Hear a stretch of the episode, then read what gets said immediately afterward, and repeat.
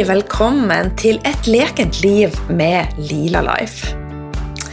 Podkasten med de hjertegode og varme tipsene.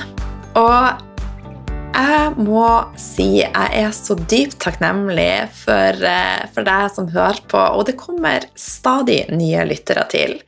Så jeg tenker at det kan være høflig med en liten introduksjon, for nå er det en stund siden.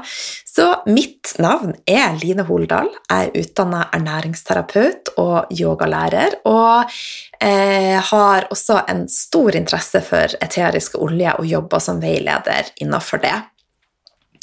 Eh, mitt mål med denne podkasten er å vise at leken og balansert helse er mulig skritt for skritt. Sjøl har jeg hatt ei ganske eh, røff eh, Hva skal jeg si En røff Det har vært røft, rett og slett. Jeg skal ikke pakke det inn. Eh, men jeg har klart å komme meg ut av det. Det er ikke sånn at livet mitt er perfekt og helsa er perfekt, eh, men jeg har fått det så, så mye bedre.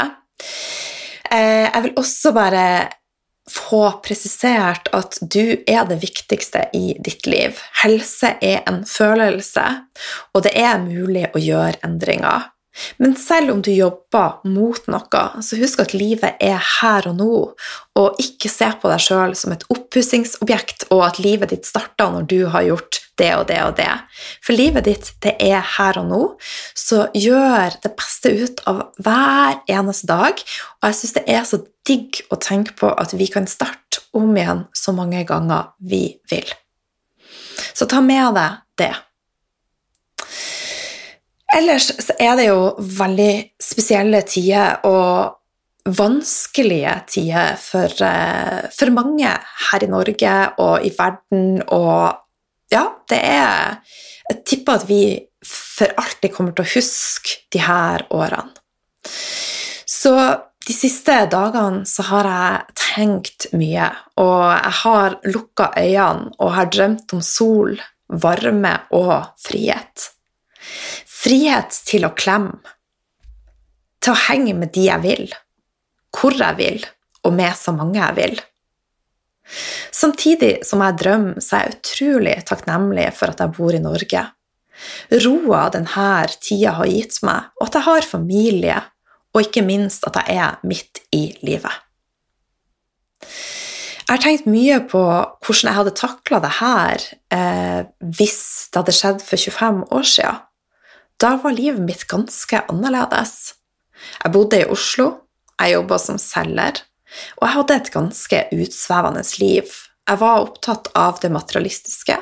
Jeg hadde en veldig dårlig selvfølelse og hadde behov for å bli sett og hørt. Det har jo alle mennesker, men eh, var jeg var opptatt av de feile tingene, sånn som jeg ser det nå. Jeg var opptatt av å ha det nyeste, og jeg var opptatt av å få anerkjennelse for de tingene jeg hadde, istedenfor det som var på innsida av meg. Jeg var mat- og sukkeravhengig, og jeg drakk mye. Jeg bodde alene og trivdes ikke i eget selskap. Og jeg er veldig usikker på om jeg hadde takla en lockdown. Så sjøl om jeg er takknemlig, og jeg er takknemlig for at jeg har det bra nå, så må jeg si at hjertet mitt blør for alle som har det tungt nå. De unge som ikke får være fri og eh, bekymringsløse. Eldre som er isolert og ensom. De som mister inntekter og levebrødet sitt nå. De som har masse usikkerhet, angst, eh, der livet rett og slett er tøft nå. Så hjertet mitt blør for alle som berøres. Eh, men jeg lukker igjen øynene mine og drømmer og tror på bedre tider. Og jeg håper at du har det bra. Dyp Litt dype ord her, men det er litt viktig at, uh, i hvert fall for meg å reflektere. Vær takknemlig, men samtidig ha et reflektert syn på det som skjer. Så eh, ting som livet har lært meg, er å være takknemlig, men jeg er også blitt veldig tilhenger av det spontane. Og fremover så ønsker jeg at flere av samtalene på podkasten skal være så spontan som mulig. Eh, dagens eh, samtale vei spontan til. Jeg og hun Siri, som er dagens gjest, eh, skulle ha et møte. Og bare noen timer før så sendte jeg en melding til Siri. Hei! Vi skal ikke spille inn en podkast i eh, samme slengen. Og sånn blir det magi av. Hun, Siri Hole Stensson hun er ernæringsterapeut, yogalærer og er en lysets veileder. Få er så ekte og til stede som hun Siri. Hun har et reflektert og spennende perspektiv som jeg gleder meg til å dele med deg. Jeg fikk gåsehud flere ganger i løpet av samtalen, og etter vi var ferdig, så var jeg skikkelig varm i hjertet. Så jeg gleder meg veldig til å dele denne samtalen med deg. Men før vi hopper inn i eh, samtalen, så eh, vil jeg bare minne deg om at eh, nå neste uke, blir det vel, 4. februar, så har jeg et webinar om helheten, men også det hvordan få en hormonell balanse. Så jeg legger med linken om du har eh, lyst å være med, og du får lov å invitere med deg så mange du vil. Og jeg vil si at det er et webinar primært for damer, for vi skal hoppe inn på det med feminin syklus og det med hormonbalansen for, et, eh, for oss kvinner, da. Og så er også påmeldinga til Lila Life Pluss åpna. Og for deg som er litt usikker på hva Lila Life Pluss er, så vil jeg si at det er det som jeg ønska jeg hadde når jeg sjøl hadde det vanskelig. Eh, så her i denne kvinnehelseportalen så deler jeg alt som ville ha vært til hjelp for meg når jeg hadde det vanskelig. Så du får veldig, veldig mange gode tips. Du får moduler med læring som jeg vet vil hjelpe mange. Du får tilgang til oppskrifter, du får tilgang til yoga, du får tilgang til min kunnskap i månedlige spørretimer. Du får tilgang til maseklass med veldig, veldig dyktige mennesker. Og den første maseklassen som vi skal ha nå, er med hun Siri, dagens gjest, og hun skal guide oss gjennom ei yogaøkt som er eh, rett og slett for å få en eh, ja, hjelp til å balansere hormonene, men også i ei vinkling opp mot sjakra. Så det er utrolig, utrolig spennende. Så hvis du har lyst til å lese mer, så kan du gå inn på lilalife.no. Og hvis du har noen spørsmål, hvis du er usikker, eh, hvis du har et eller annet som du bare kjenner dette har jeg lyst til å vite mer om, så er det bare å sende meg en mail på line.lilalife.no, så svarer jeg deg. Og jeg ønsker deg fra hjertet velkommen i Lila-gjengen. Nå over til hun Siri, og jeg sier bare gled deg. Hjertelig velkommen, Siri, til podkasten. Så utrolig artig å ha deg med. Velkommen! Tusen takk, Line. Takk for at du inviterte meg til å være spontan i dag. Min glede. Men du, aller først, hvordan starta du dagen din? Du, I dag så startet jeg dagen min eh, litt før halv syv. Så sto jeg opp og gjorde meg klar til en yoga- yoga-meditasjonsstund på, på, matta mi, som jeg gjør hver morgen. Uh, og så i dag så var jeg så heldig at jeg skulle på behandling, så det var starten min i dag. Og så etter jeg har gjort yoga, så har jeg alltid en, en god morgenkaffe. Det må jeg alltid ha. Og så så spiser jeg alltid litt senere utpå formiddagen en gang. Først, første måltid. Å, så herlig. Men du, har du eh, vekkerklokka på? Jeg er et skikkelig B-menneske, så mitt mål for 2021 eh, er å, eller intensjon, er å klare å snu det å bli litt mer A-menneske. Så jeg må bare høre. Jeg er veldig nysgjerrig. ja. Du, det er litt interessant du sier det, for jeg, jeg er jo faktisk A-menneske, så jeg blir veldig tidlig trøtt eh, på kvelden, og derav legger jeg meg eh, relativt tidlig. Og våkner også da ganske tidlig av meg selv. Mm. Jeg har også litt sånn urolig søvn innimellom, men, eh, men som regel så, så, har jeg ikke vekkerklokka på hvis jeg ikke har noen avtale som jeg må, må rekke, og jeg våkner som regel til omtrent samme tid hver morgen. Mm rett og slett du har eh, laga deg indre klokke som fungerer veldig fint, da?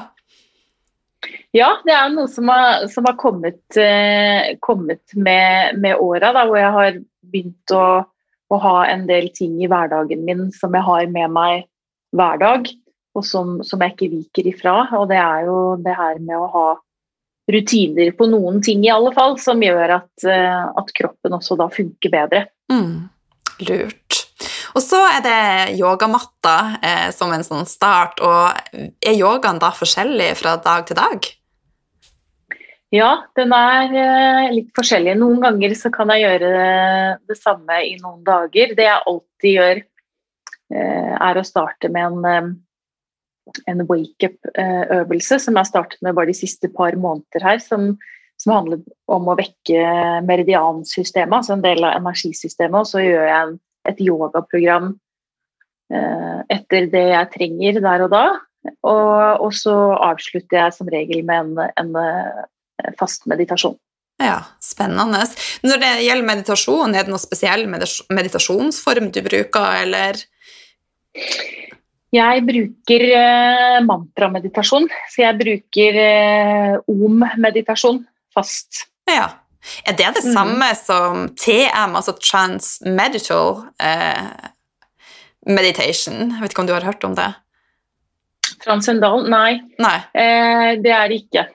Nei, det, er ikke det er rett og slett uh, ren meditasjon som jeg gjør uh, ja. etter, etter, lyd. Mm. Ja. Og du, og så frokost. Hva spiser du til frokost? Hva spiser jeg til frokost? Det er veldig forskjellig. Jeg er jo eh, Altså, eh, for meg så Jeg er jo en mennesketype som trenger rutiner, for ellers så fort så kan jeg fly ut i alle retninger, og energien kan fly litt i alle retninger. Og det gjør også at jeg, at jeg, jeg spiser eh, veldig variert. Så så jeg spiser mye forskjellig eh, eh, noen ganger. Så det er ikke sånn at jeg spiser det samme én uke eller tre dager på rad. Det gjør jeg veldig sjelden. Men jeg kan spise alt fra eh, en god omelett med masse grønnsaker. Noen ganger så har jeg litt eh, eh, urter oppi, og noen ganger så har jeg protein, eh, altså en proteinkilde til av noe, noe, kjøtt av noe slag.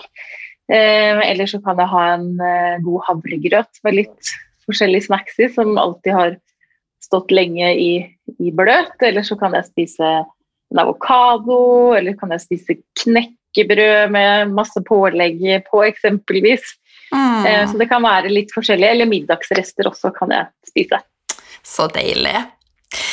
Det høres ut som du har en fin start eh, på, eh, på, dagen din. Eh, men Siri, det er jo første gangen du er med på, på podkasten. Og jeg har jo kjent deg i mange år, men det kan jo være at du er ny for noen av lytterne. Kan ikke du introdusere deg sjøl litt og fortelle litt om din reise? Det skal jeg gjøre. Jeg kommer da fra fjellbygda Geilo, som ligger midt mellom Oslo og Bergen. Og her er jeg født og oppvokst. Eh, jeg har bodd der stort sett hele mitt liv. Men har vært en del ute og reist, også i, altså, i ren, i ren altså, turistøyemed. Men jeg har vært og reist en del i forbindelse med jobb. Og også eh, i alle de år jeg har holdt på med utdanning, da, som nå er lenge. Jeg er Eh, det, altså Geilo ligger jo i Hallingdal, som er en turistregion. Og Geilo er jo i aller høyeste grad et turiststed, så jeg har ingen dialekt eh, igjen. Eh, som jeg nå kanskje kan synes er litt synd, men det handler litt om at jeg har jobbet mange år i, i hotellbransjen, altså i reiselivet, mm. eh, som har gjort også at jeg har lagt om. da, når jeg vokste opp, så, så var det ikke så kult med dialekt. Så, eh, så, den har blitt litt borte, dessverre, med åra. Eh, men i, i, reiselivet har jeg som sagt vært mange år, og jeg har jobbet i service siden jeg var startet hos pappaen min som tolvåring. Eh, jeg jo vokst opp på fjellet, så jeg eh, hva skal jeg si, tvunget inn i naturen. Men det har også blitt, jeg har også blitt mer og mer glad i. Jeg har alltid vært, vært mye ute. Og når vi var små, så var vi jo ute og lekte også ja. hele tiden. Mm. Men det viser, bare, det viser, at de tingene som vi kanskje ikke setter så pris på når vi er små, de blomstrer til når vi er voksen. For den forrige gjesten hadde med, hun ble tvungen til å være med mora og jobbe med planter. Når, istedenfor husarrest så måtte hun jobbe med planter, og nå er hun plantekvina i Norge. ja. Så, det er helt nydelig. Ja, så det, det er ja, bare en liten refleksjon. Så nå skal jeg ikke avbryte mer. det går veldig fint.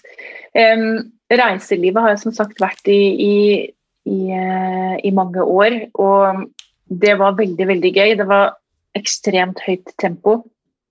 Eh, I starten så var det mye også eller egentlig hele veien gjennom, men spesielt i starten så var det mye skiftjobbing. Mm. Eh, så det var mye forskjellig inn eh, Altså døgnrytmen var litt sånn ustabil, og jeg har vært der hvor jeg har vært mye festing og den biten der, og hatt mye stressbelastning på kroppen. Jeg, jeg var perfeksjonist og veldig kontrollfrik, hvis jeg kan kalle det det. Jeg, jeg velger å si var. Mm. Eh, Eh, hvor alt eh, jeg gjorde eh, aldri var bra nok, og jeg hele tiden søkte og lengtet etter å være et annet sted enn der jeg var. Det var liksom aldri noe Jeg var veldig lite til stede i nuet.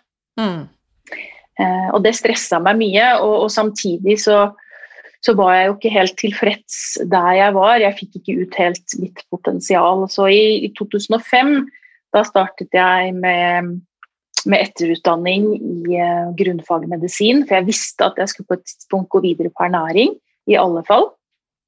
Uh, men jeg, ikke, jeg, visste ikke hvilket studie, for jeg hadde ikke funnet et, et studie som, som, jeg liksom kjente i hjertet at yes, dette er riktig. Mm. men så dukket jo det opp etter, etter noen år med fantastiske Tunsberg medisinske skole, som jeg også hvor du også har gått, og jeg har gått, og mange flere med oss. Mm. Så da begynte en, eh, en, eh, noen år eh, der, eh, parallelt med at jeg sa opp faktisk jobben min eh, så å si på dagen i hotellbransjen. Jeg visste jo ikke hva jeg skulle, men jeg visste i hvert fall at jeg skulle begynne å utdanne meg mer. Mm. Eh, og da begynte jeg også på en, en utdanning innen selvutvikling, kommunikasjon, bevisstgjøring, som, som også varte i en, en lang periode, som var i Oslo parallelt med den der næringsutdanningen. Ja. Så, så der startet egentlig den snuoperasjonen min, da, som nå har pågått litt sånn de siste ti årene. Eh, og med det så mener jeg å bli Altså øke bevisstheten og bli enda mer bevisst på, på hvordan leve et godt liv, sånn at, at, jeg er så god som mulig for meg selv og også omgivelsene mine. Mm. Du, vi har jo hatt eh, ganske like reiser, for jeg begynte også på medisin grunnfag i sånn type 2004-2005. Og Tønsberg Jeg var ikke sikker på hva jeg skulle videre, men så bare åpna altså Det bare kom dettende i hodet på meg, Tønsberg medisinske. Og så har jeg jo også vært innom Agape, men ikke like lenge som du, da. Og mm. er jo fortsatt på ei reise som er så spennende. Jeg tenker at det stopper jo aldri. stopper aldri. Nei.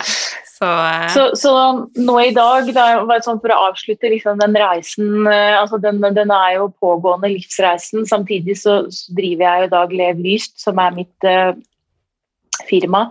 Mm. og der jobber jeg jo med én-til-én. Jeg jobber mye med kurs og også hatt retreats. Jeg har hatt et lite pauseår nå i 2020 hvor jeg har jobbet på et annet spennende, stort prosjekt. Men det er det jeg holder på med i dag, og det, det kommer til å være med meg videre i en eller annen form. Mm. Ja. Spennende. Mm. Takk, Siri. Eh, du sier at du var en eh, perfeksjonist, eh, og denne samtalen var veldig spontant planlagt. Vi skulle egentlig bare ha et møte i dag, og så sier jeg du, Siri, vil du være med på podkast? og så svarte du ja. Ville du klart å svart ja da tidligere, når du var mer opptatt av å, at alt skulle være perfekt? Nei, jeg tror ikke det på samme vis. Fordi jeg, jeg, jeg ser at jeg har vært impulsiv hele livet. Mm. Eh, og så har jeg på en måte nå eh, kommet litt sånn i berøring med det å skjelne impulsiv og spontan. For impulsiv for meg kommer litt sånn fra den følelsesmessige kroppen, hvor det blir kanskje ikke eh, helt forbundet inn i intuisjonen. For i intuisjonen så den, den, snakker jo alltid eh, det samme språket for deg eller for meg. Mm, men spontaniteten, den, den kommer eh, For meg, da, er koblet til intuisjon. Eh, og det var litt rart, fordi jeg, jeg fikk opp i forrige uke, hva kom bare sånn til meg, for jeg tror jeg skal være med på podkasten til Line snart. Jeg vet ikke hvor det kom fra. Wow! så, så jo, mer, um, jo, mer, jeg har sluppet også um, min kontroll, min perfeksjonisme, så kommer mer ting til meg. Jeg kan være mer i, i, i tilfredshet og ro da, på at de de mm. rette tingene kommer når de skal, og så, og så ta beslutt og, og det, da være spontan i øyeblikkene når de tingene kommer. Mm. Ja. Kjempefint, eh, og jeg er så glad at du eh, ble med. Det setter jeg stor pris på. Så eh, mm. jeg er også veldig Jeg likte at du nå bevisstgjorde forskjellen på impulsivitet og spontanitet, for det er som du sier, en stor forskjell. Og jeg har også vært veldig impulsiv før. Mindre impulsiv nå, men veldig spontan. Og så det, det likte jeg. Men du eh, Du er jo også ernæringsterapeut. Jeg har lyst til å grave litt på det feltet også. Kan ikke du beskrive litt hva er glad mat for deg? Oh, glad mat, ja. Glad mat. Altså, eh, jeg jobber jo ut ifra at alt er energi. Mm. Eh, og mat er jo i aller høyeste grad eh, energi. Og mat er eh, jo i mine øyne Det kan være din beste venn og din beste medisin, eller det kan være din, din, største, din, største, fiende og din største forbannelse, for å si det sånn. Mm. Og så er det jo selvfølgelig alltid noe midt imellom. Men glad mat for meg er jo mat som virkelig har en potent, levende energi. Eh, og det, det, kan høres kanskje litt sånn flåsete ut, men samtidig, jo mer bevisst jeg har blitt det opp igjennom, jo mer skjønner jeg hva det handler om i forhold til at at maten kommer jo fra, fra, jorda og den planeten vi lever på, og eh, der den kommer ifra, hvordan de råvarene har blitt behandlet, hvordan de er ivaretatt, hva slags, eh, hva slags eh, eksempelvis fôr dyra har fått, hva slags omsorg de har fått, ikke minst grønnsakene, plantene, alt fra urtene, alt som maten vår lages ut ifra, hva slags energi er det i de menneskene som jobber med maten? Fordi at alt overføres jo eh, fra det ene til det andre. Det er jo liksom én flyt hele tiden. Så for meg så er glad mat mat som virkelig ser livgivende ut.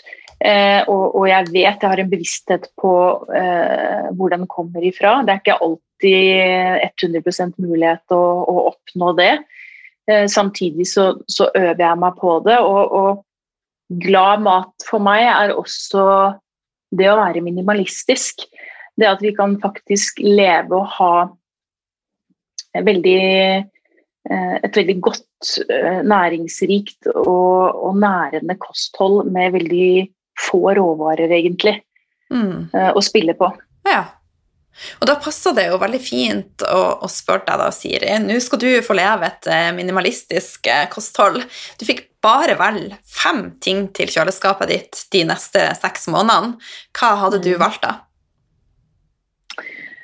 Da hadde jeg valgt eh, eh, Da hadde jeg valgt eh, en, en korttidskokt eh, kraft, og så hadde jeg valgt Og da kan jeg bare velge på en måte Altså én grønnsak teller som én grønnsak? Ja. Er det så? Ja. Okay. hadde jeg valgt brokkoli, blomkål, og så hadde jeg valgt eh, spirer. Ah. Nå er vi på fire. Og så hadde jeg eh, valgt eh, økologisk lokalprodusert lammekjøtt. Åh, oh, herlig. Altså, da hadde ja. du jo fått det meste du trengte. Ja, du har jo fått alt, egentlig. Ja, Gode proteiner, hadde- godt fett og ja. Ja. Det kan hende at jeg hadde byttet ut en grønnsak med gi, faktisk. Altså med klarnet uh, et, uh, altså ren gi. Uh, som jeg hadde hatt uh, istedenfor. Eller kanskje jeg hadde byttet kraften med den. Mm. ja. Mm. Men når det gjelder spirer, er det noen spesiell spire som er din favoritt? Jeg er ikke så jeg er ikke sånn veldig inn i den spireverdenen, men jeg er veldig glad i, i brokkolispirer. Eh, Reddikspirer syns jeg var veldig godt, men er, de er ganske sterke. Og så Mm. driver jeg og spirer litt mungbønner. Oi! Eh, det syns jeg òg er veldig godt. Ja. Spennende. Jeg, Mhm. jeg kjøper brokkolispirer. Jeg har spirer ikke sjøl. Tidligere så var jeg sånn jeg skulle gjøre alt sjøl, men jeg har skjenka Mm. skuldrene litt og bare innså at jeg rekker ikke overalt, og det er helt ok.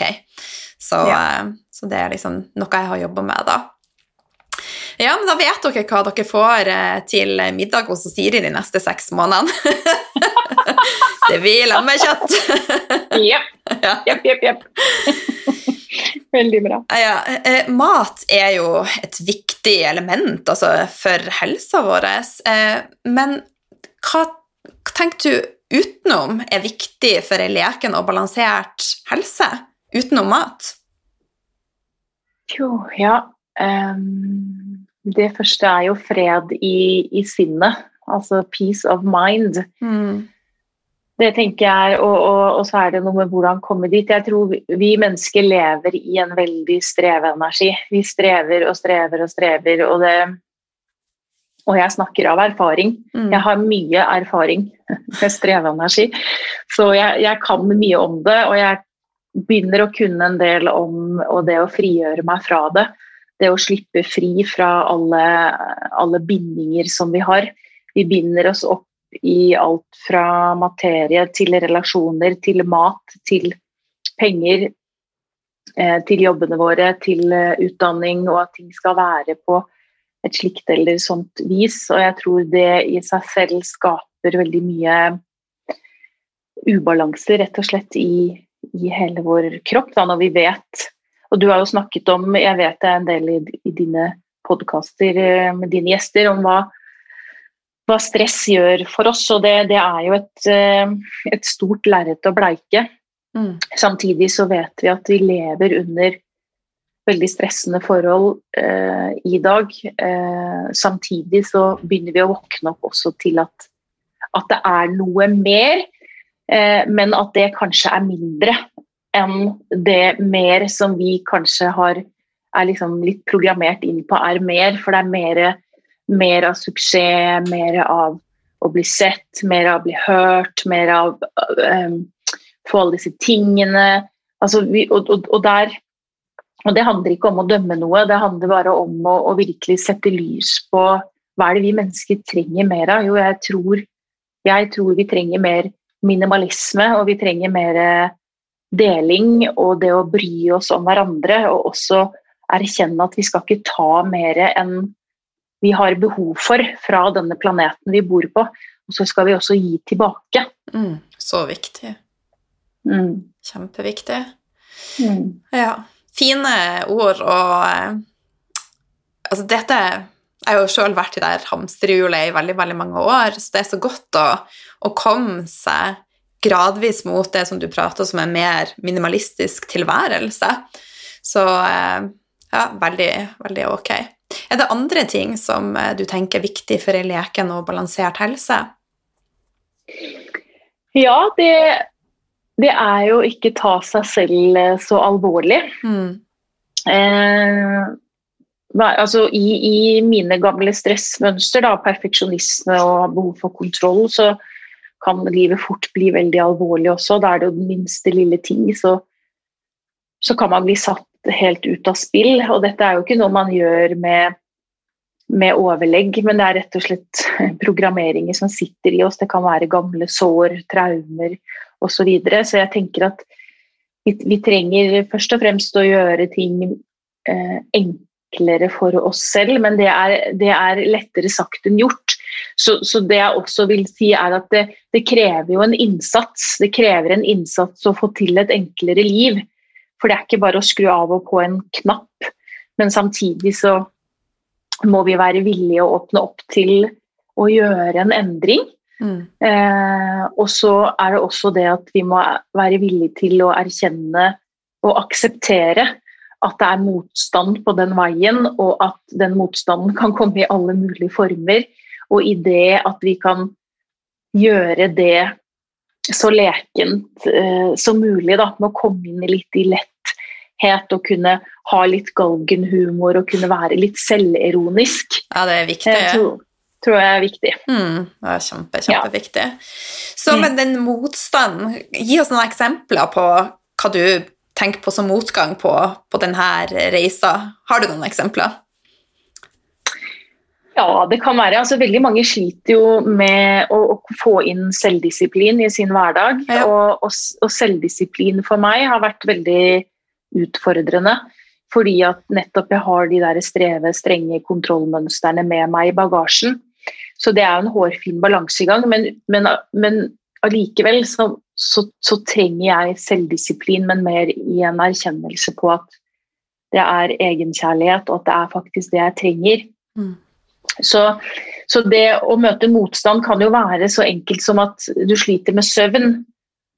Eh, og så blir man gående i en frustrasjon på at man sliter med søvn, eh, kontra å begynne å stille seg selv spørsmålet hva er årsaken til at jeg sliter med søvn, og så begynne å nøste litt i det, stille spørsmål og forsøke å ikke begynne å kave, men at man kan gjøre ett og ett steg av gangen. og da ja, må jeg gå og legge meg en time før, så kanskje jeg trenger det. Trenger jeg å komme meg bort fra sosiale medier før, eller være på sosiale medier mindre, så trenger jeg det. Eller trenger jeg å tvinge meg selv til å stå opp litt tidligere, så trenger jeg det. Men da fordrer jo det at du kommer deg i seng til tid, eksempelvis. Så, og, og motstanden i det er jo at at man velger å la være, og så syns man synd på seg selv, og så blir man litt sånn offer, og så får man selvmedlidenhet. Og det er også helt ok, det er helt naturlig del av reisa. Mm. Men, men, motstanden er jo det også å erkjenne den biten. Ja. For, for, for, ofte så trenger vi Ofte så skal vi ha alle disse belønningene. Vi skal belønne oss selv hele tiden, og det, det er veldig knyttet til følelser. Eh, og da når vi tar beslutningene ut fra følelsene våre hele tiden, så, så kan det bli veldig overveldende og krevende. Mm. Ja. Er, er, du der noen gang at du har belønna deg sjøl? at du bare kjenner at Ja, eller er du sånn superwoman? jeg kan sette noe og tenke at å gud, jeg har lyst på sjokolade, og det er jo den belønningsdelen i hjernen min som ja. bare suger etter sjokolade. ja, ja. ja, absolutt. Eh, det, det, som Det jeg har lært meg til der, da, er jo at eh, hva er konsekvensen? For jeg må kjenne er det på en måte konsekvensen av. Og, det, og da forsøker jeg å ikke gå inn i de strenge, strenge mønstre. Og jeg mener absolutt ikke altså Vi skal kose oss i livet og vi skal ha det godt. Men jeg for meg må kjenne er det på en måte verdt i forhold til en reaksjon jeg får. Da? For jeg, jeg har også veldig sensitivt system i og med at jeg er i en healingprosess på gammelt stress, så får jeg en del fysiske utfordringer også som gjør at, at jeg må være ekstra forsiktig. Og det kan være veldig frustrerende til tider. Og, så, og noen ganger eh, overveldende frustrerende, absolutt. Og så gir jeg meg selv eh, belønning i, i, en eller annen form som jeg kjenner kan, kan gjøre godt for meg. Og, og det kan absolutt være en sjokoladebit eller en, en, kakebit eller noe i den dur. Men også, belønning for meg kan også være en, en meditasjon, faktisk. Mm. Eh, nå eh, Jeg sier ikke at jeg har vært der hele tiden, men jeg har jobbet beinhardt med meg selv, det skal sies. Eh, så jeg har gått gjennom ild mange ganger og kommer til å gjøre det mange ganger igjen. Mm. Men jeg tenker altså Det er denne balansegangen med å skjelne og skille på hva er strenghet og selvpisking, og hva er selvdisiplin. For det er to ytterpunkter. Ja. Det er hele tiden denne balansegangen. Så, så, så, det ligger mye frihet også i å gi seg selv det en trenger, men det er ikke alltid like godt å vite hva en selv trenger. Nei, det er sant. Ja. Men det blir lettere og lettere jo nærmere man kommer seg sjøl, og når man klarer å roe ned stresset og lytte litt mer innover, så blir det jo lettere. Ja. Helt klart, helt klart. Mm. Du, ja. du starta dagen din med yoga, og du sier at du nå ofte, eller ikke ofte, men at du av og til faktisk belønner deg sjøl med en meditasjon istedenfor f.eks. et kakestykke. Og Mm. Kan du beskrive hva yoga gjør for deg? Hva er det til for deg? Absolutt.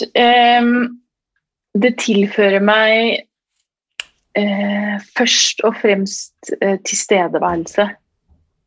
Eh, I det å kunne la ting få være sånn som det er. Jeg har lett, jeg har lett for å, å fyke av gårde opp i hodet. Mm. Og at tankene flyr i alle retninger. Så jeg trenger å være bevisst på pusten min, som bringer meg inn i jording.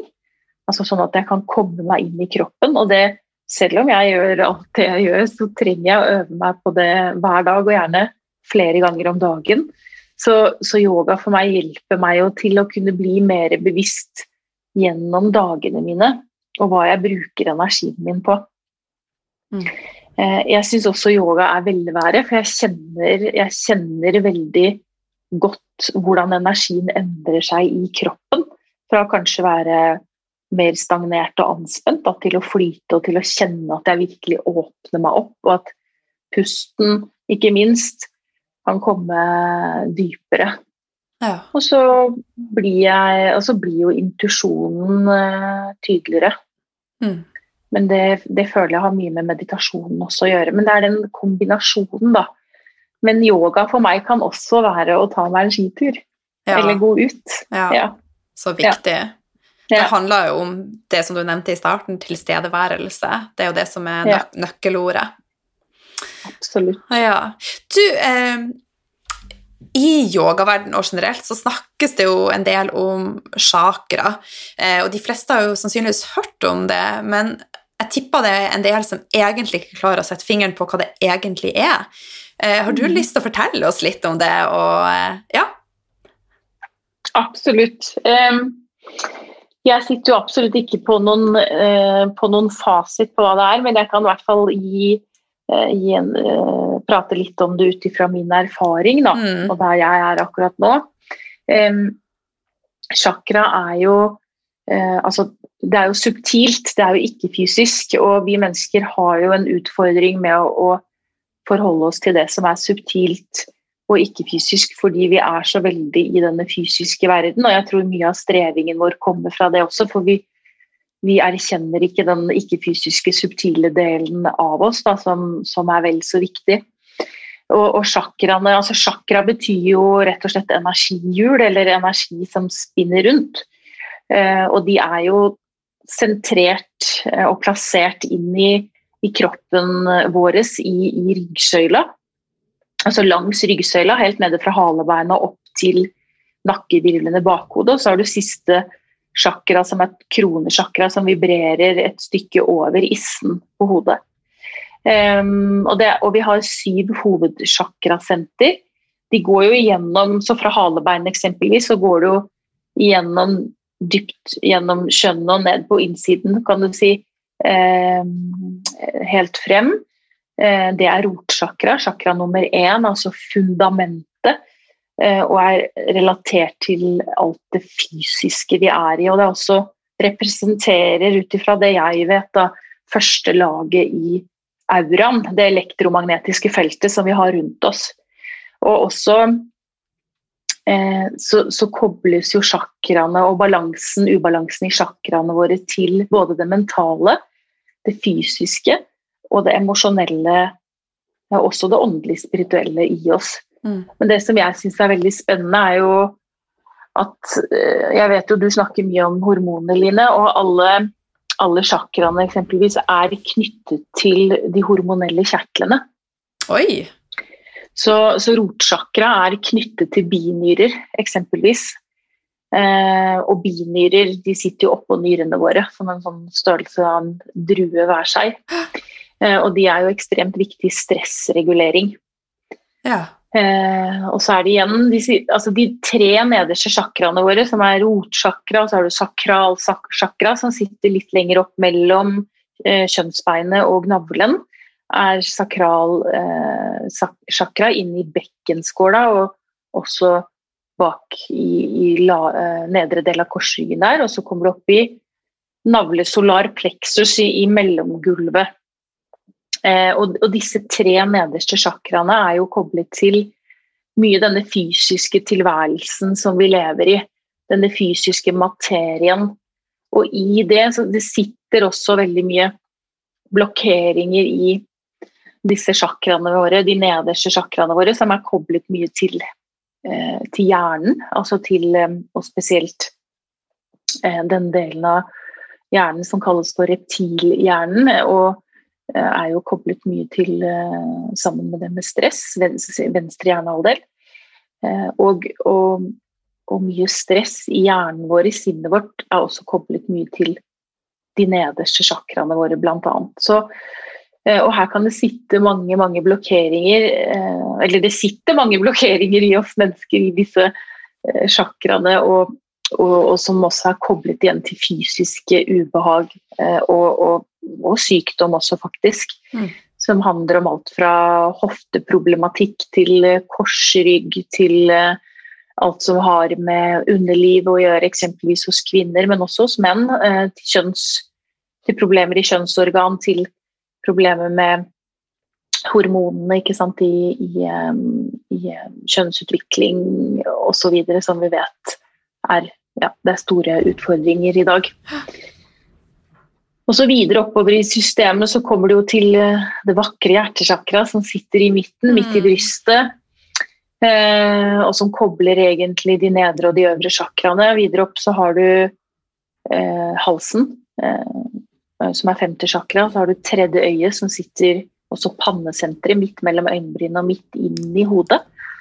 Um, og så har du da, uh, altså som er chakra seks, og så har du krone da som vibrerer et stykke over issen. Ja. Så, så, um, Og igjen så er alle disse chakrasentrene koblet til, til, følelser. De er koblet til fysisk, og deriblant uh, alle de hormonelle kjertlene. Eh, og de som sitter oppi i hodet, hjerneregionene, er jo koblet til de overordnede Eh, hormonsentralen, da, som er hypofysen, og, og også i, i, nyere tid eh, pinalkjertelen, eh, som sitter dypt inn i, hjernen vår, som er koblet til Viser det seg mye dette som har med døgnrytmen vår å gjøre, og søvn osv. Så, ja. så Så alle, alle chakraene altså Du har rotsjakra, som er første chakra, og så har du andre, tredje osv. oppover representerer også hele ditt elektromagnetiske felt, auraen din rundt deg. Så, så, det henger sammen. Og du kan jo ikke se fysisk chakraene, de er ikke fysisk. Mm. Men det kan måles, faktisk. Spennende. Uh, ja. Men hvordan kan vi påvirke chakraene våre, da? Det er jo faktisk mye av det vi snakker om i denne, denne samtalen her. Altså det er jo eh, hvordan vi generelt lever livene våre. Hva slags, hva slags valg tar vi ut ifra hvem, hvem, vi er. Da. At vi, jeg tenker at vi mer og mer eh, forsøker eh, så godt det går å leve ut ifra den vi er ment til å være. Og hva mener jeg med det? Jo, det er jo nettopp det å å bruke tid på å komme inn i kontakt med hvem du er, og, og vekke til live intuisjonen din eh, og sansene dine. Mm. Eh, sånn at, at, du tar gode valg og vet hva som er godt for deg. Fordi, eh, og, og, og, det er jo en det er ikke noe fasit på hvordan balansere chakraene, men samtidig så vet vi at det med meditasjon, eh, med eh, yogaform, eh, tai chi, qigong, det å være ute i naturen, det å bevege eh, deg, det å spise så ren mat som mulig, sånn at det er minst mulig belastning på systemet. Men også det å få faktisk renset ut det som er av belastning. Og da er det jo også hvordan du lever i forhold til relasjoner, at du ikke lever i toksiske relasjoner eksempelvis. Det kan gjøre, føre til at um, at det blir en ekstrem ubalanse, og du aldri føler at du kommer helt i mål, rett og slett fordi det, er relasjoner, relasjoner, i livet ditt, og gjerne også relasjonen til deg selv, som, som er toksisk, da, som er giftig, rett og slett. Mm. Utrolig, utrolig fascinerende. Er du inne på human design? Ja, jeg har, eh, jeg har, hørt om det. og Jeg har en venn som, som, driver med det, som gjerne vil presentere det for meg. Så det skal jeg gjøre Skal jeg kikke litt mer på når, eh, når tiden blir inne for det. Det er veldig spennende, og jeg bare kom til å tenke på det nå, for jeg har bl.a. åpent eh, rotsjakra og eh, hodesjakra, så det vil si at jeg er veldig mye mer sårbar for alle ting i det området, og bare si at du mm. kobler det opp mot binyrene, så er det jo ikke rart at jeg bare ser sammenhengen eh, i mm. forhold til, eh, til, det, da. Men human mm. design mm. er kjempespennende, og skal ha med en, en gjest til om det om ikke så altfor lenge på podkasten, så må du høre. Ja spennende. Mm. Absolutt. Så eh, mye av det vi snakker om nå, vil kanskje noen omtale som spirituelt. Eh, og kan ikke du fortelle litt, Siri, hva, hva er egentlig spiritual... Spiri, må jeg prøve å si det rett? Spiritualitet? ja. Og det er jo det tenker jeg også er individuelle svar på det. For eh, det, det, er jo også noe som utvikler seg i hvert enkelt menneske over tid. Mm. Eh, for meg så, så, er spiritualitet der jeg er nå i livet, så, så, er det en like stor del av Hvis ikke større del av livet eh, som denne fysiske, fysiske, tilværelsen. Det er noe som heter at vi er spirituelle opp, eh, vesener som har en fysisk opplevelse. Mm. Eh, og jeg tror at mye av den spirituelle, eh, rene kunnskapen som vi har fra langt, langt tilbake, som, som også har blitt veldig forstyrret og ødelagt, sånn som jeg ser det, eh, på mange vis, og, og, hvordan det formidles i dag, syns jeg også kan være ja, veldig forskjellig. Eh, for det er ingen som sitter på den hele og fulle sannheten i seg. Eh, men jeg tenker det å virkelig komme i berøring med, med deg selv og, og, din tilværelse her, og hvorfor du er her. altså Det å virkelig også kunne komme i berøring med at det er noe større enn deg selv. For mm. vi, vi er til syvende og sist veldig selvopptatte, vi, vi, vi, mennesker. Og det er jo fordi vi er styrt veldig av personlighet og ego. Og så har vi veldig lite sjel eh, integrert i oss. Og, og, med sjel så mener jeg våre naturlige eh, ressurser som, som medfølelse, som, som, det å velge sannhet, det å kunne stå i motgang. Eh, og eh, ha mot til å, stå igjennom det å være i tillit, og da tenker jeg ikke en sånn bare eh, Nå kommer jeg ikke på det norske ordet, men, men, 'blind faith' heter det på engelsk. Men, men det at man faktisk kommer inn i et, en fundamental tillit til livet. Til at vi er sørget for, eh, og at, at, vi kan slappe mer av i det som er. Og i det så tror jeg vi åpner opp naturlig mer for det som er tilgjengelig for oss. Fordi det spirituelle, det er ikke far out og bare, og bare til for noen få.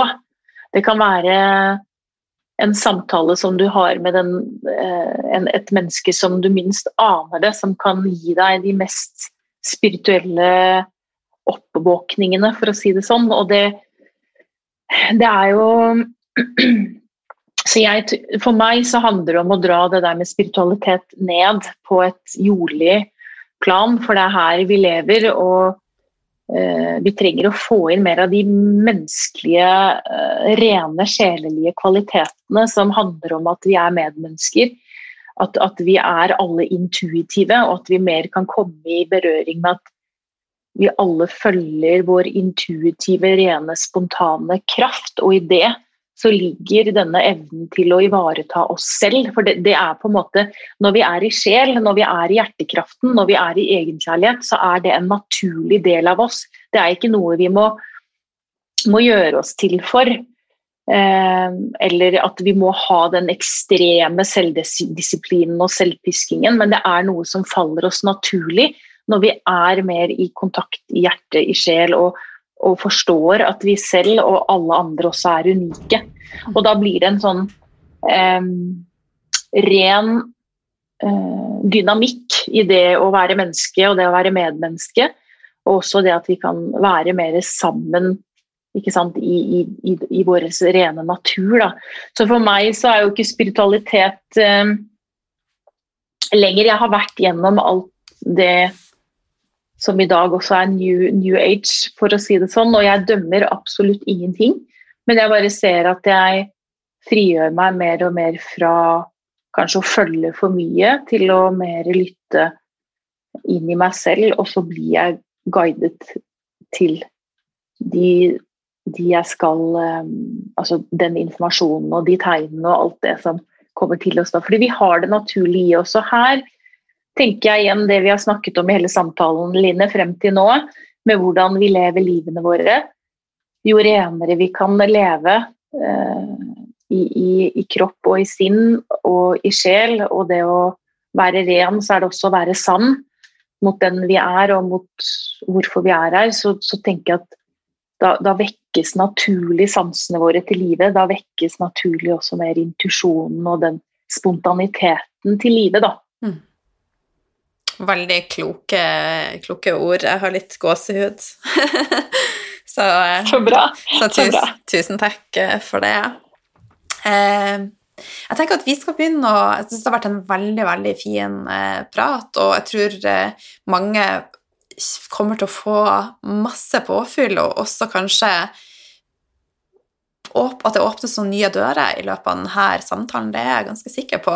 Men eh, helt på tampen eh, altså Du har jo fortalt litt hva du gjør om morgenen, altså du spiser, hva du spiser, at du gjør yoga. Men utenom det, når du skal ivareta deg sjøl og bare være hos Siri, hva gjør du da? Hva gjør jeg da? Ja, jeg har, jeg har jo gått fra å leve et, eh, et, ganske sosialt liv til å leve et ganske minimalistisk liv også på den fronten. Eh, og det er helt selvvalgt fordi det har vært eh, nødvendig. Så eh, jeg er veldig glad i å lage mat. Så jeg koser meg veldig når jeg lager mat. Da ivaretar jeg også eh, meg selv. det er jo også det å være i naturen. Jeg kan også lese ting som, som kjenner gir meg påfyll. En god samtale med en eh, god venn eh, er alltid også veldig fint. Det er også å ivareta meg selv, og det er også i, i, min eh, setting som kommer fra der jeg kommer ifra, og da, da mener jeg det med kontroll og stressbelastning og perfeksjonisme, så er det ikke alltid like lett å bare slippe opp garden og bare la meg selv eksempelvis få være sårbar og falle litt. Grann. Eh, så, så, det har også vært en øvelse for meg, og da ivaretar jeg meg selv også når jeg tillater meg bare å forløse i det som er, eksempelvis. Mm. Eh, la meg få lov til å legge meg ned og, og, og, virkelig hvile når jeg trenger hvile. Og også det å kunne få være i glede og glede meg over eh, noe så enkelt som å å gå en tur. Og da, da, kan det være samme turen jeg går hver eneste dag, som kan oppleves eh, veldig annerledes ut ifra hvilken tilstand jeg er i. Så, så, jeg er mer og mer eh, takknemlig over de dagene jeg får. Så jeg takker hver dag for at jeg får våkne opp, mm. og at jeg har kroppen min, og at jeg kan stå opp på mine to bein. Mm. Og for at jeg faktisk er her jeg er. Mm. Du eh, sniker inn et eh, spørsmål som det kan hende at du, du syns det er ubehagelig, men eh, jeg har tenkt mye på det med døden, og tidligere var jeg veldig redd døden. Eh, og et eller annet har skjedd i meg, så jeg er ikke så redd lenger. Er du redd døden? Nei, heller ikke lenger så mye. Jeg har hatt faktisk en del dødsangst uten at jeg har visst det. Okay. Eh, og jeg har hatt også angst uten at jeg har visst det, og det har også blitt adressert i de siste årene. Jeg, for meg så er det helt naturlig å dele det, fordi at det gjelder alle oss mennesker. Eh, men så kan, kommer det ut i litt forskjellig form, og, og, angst er jo også frykt. Altså det å være redd for, og så kommer det ut i ulike former, og det, det påvirkes jo av ulike ting. Men døden, ja. Jeg, jeg har vært eh, redd for døden. Jeg er ikke lenger fordi det, her kommer den spiritualiteten inn også, fordi jeg tror vi på en måte er på en reise eh, Eh, på en gjennomreise, og så kommer vi tilbake, mm. rett og slett. Mm. Eh, når vi er ferdig med dette livet, så tror jeg vi kommer tilbake til en ny mulighet. Så jeg tenker at vi legger rette, til rette for det som kommer videre. Og, en, og derfor tenker jeg også at det er utrolig viktig, alle folk som lytter på, hold fokus på en lys fremtid. Fordi det er så mye fint i vente, selv om vi må gå igjennom tøffe ting så tenk også på det større bildet, og at uh, vi har så utrolig mye å glede oss over og glede oss til. Mm. Så viktig. Du, Siri, tusen takk for en uh, fantastisk uh, samtale. Hvor kan lytterne treffe deg? De kan treffe meg på, på hjemmesiden min, da, levlyst i ett ord, punktum .no. Og der ligger jo både både min e-postadresse og, eh, og, mitt telefonnummer. Så det er å sende meg en SMS, eller om det er noen som vil ringe meg, så er det også mulig. Eh, du, det kan jo være at du får sånne 1000 samtaler nå, takler bilene dine det? Da må jeg bare svare etter beste evne. Ja, der finner, finner, dere i hvert fall eh, om dere har lyst til å se mer. Ja. Tusen hjertelig ja. takk for at uh, du var spontan i dag og delte. Tusen hjertelig takk for at jeg fikk komme, Line.